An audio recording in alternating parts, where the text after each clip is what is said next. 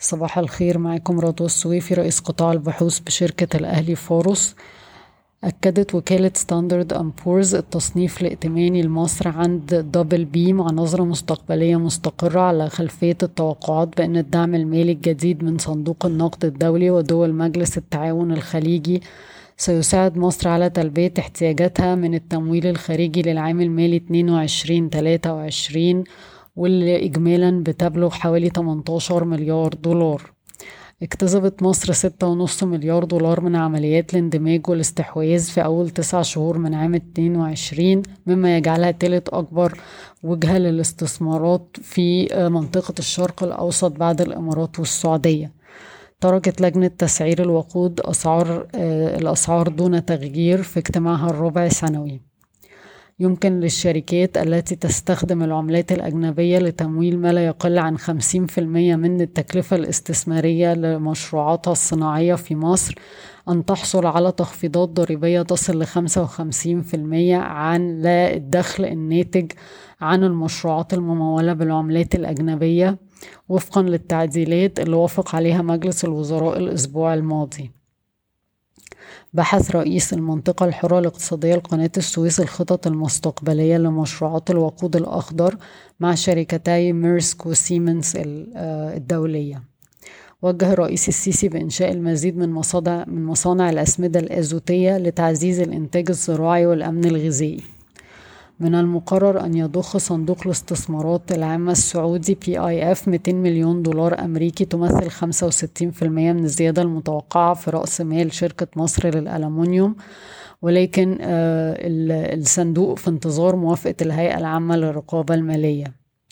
يرتب بنك مصر قرض مشترك بإجمالي قيمة 5 مليار جنيه لسبع شركات تابعة للسويدي لتمويل رأس المال العامل. تستثمر شركة حسن علام وشركة مصدر الإماراتية للطاقة المتجددة نحو عشرة مليار دولار على مدى سبع لعشر سنين في مشروع هيدروجين أخضر في منطقة قناة السويس.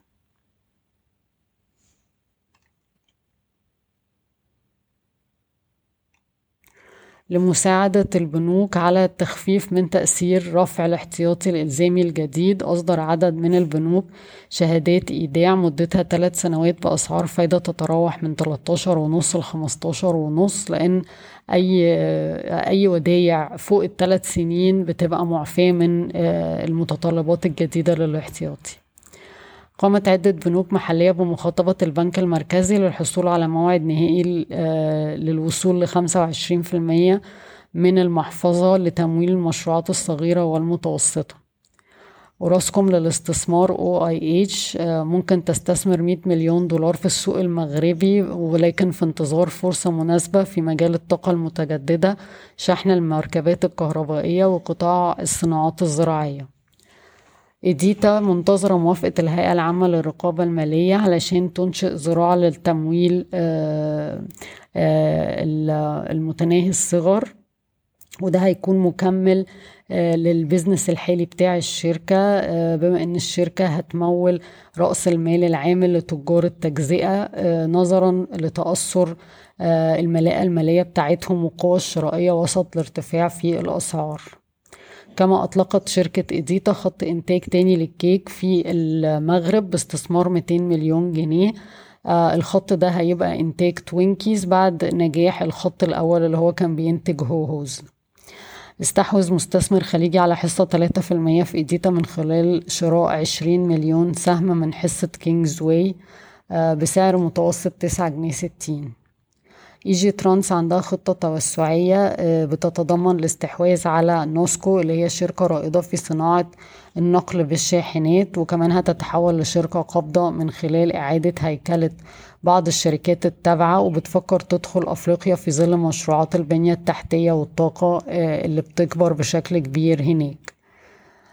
مجموعة بنية وهي مزود للحلول الرقمية والبنية التحتية لتكنولوجيا المعلومات بتتفاوض مع ثلاث بنوك استثمارية لإدراج محتمل في البورصة المصرية. بشكركم ويوم سعيد.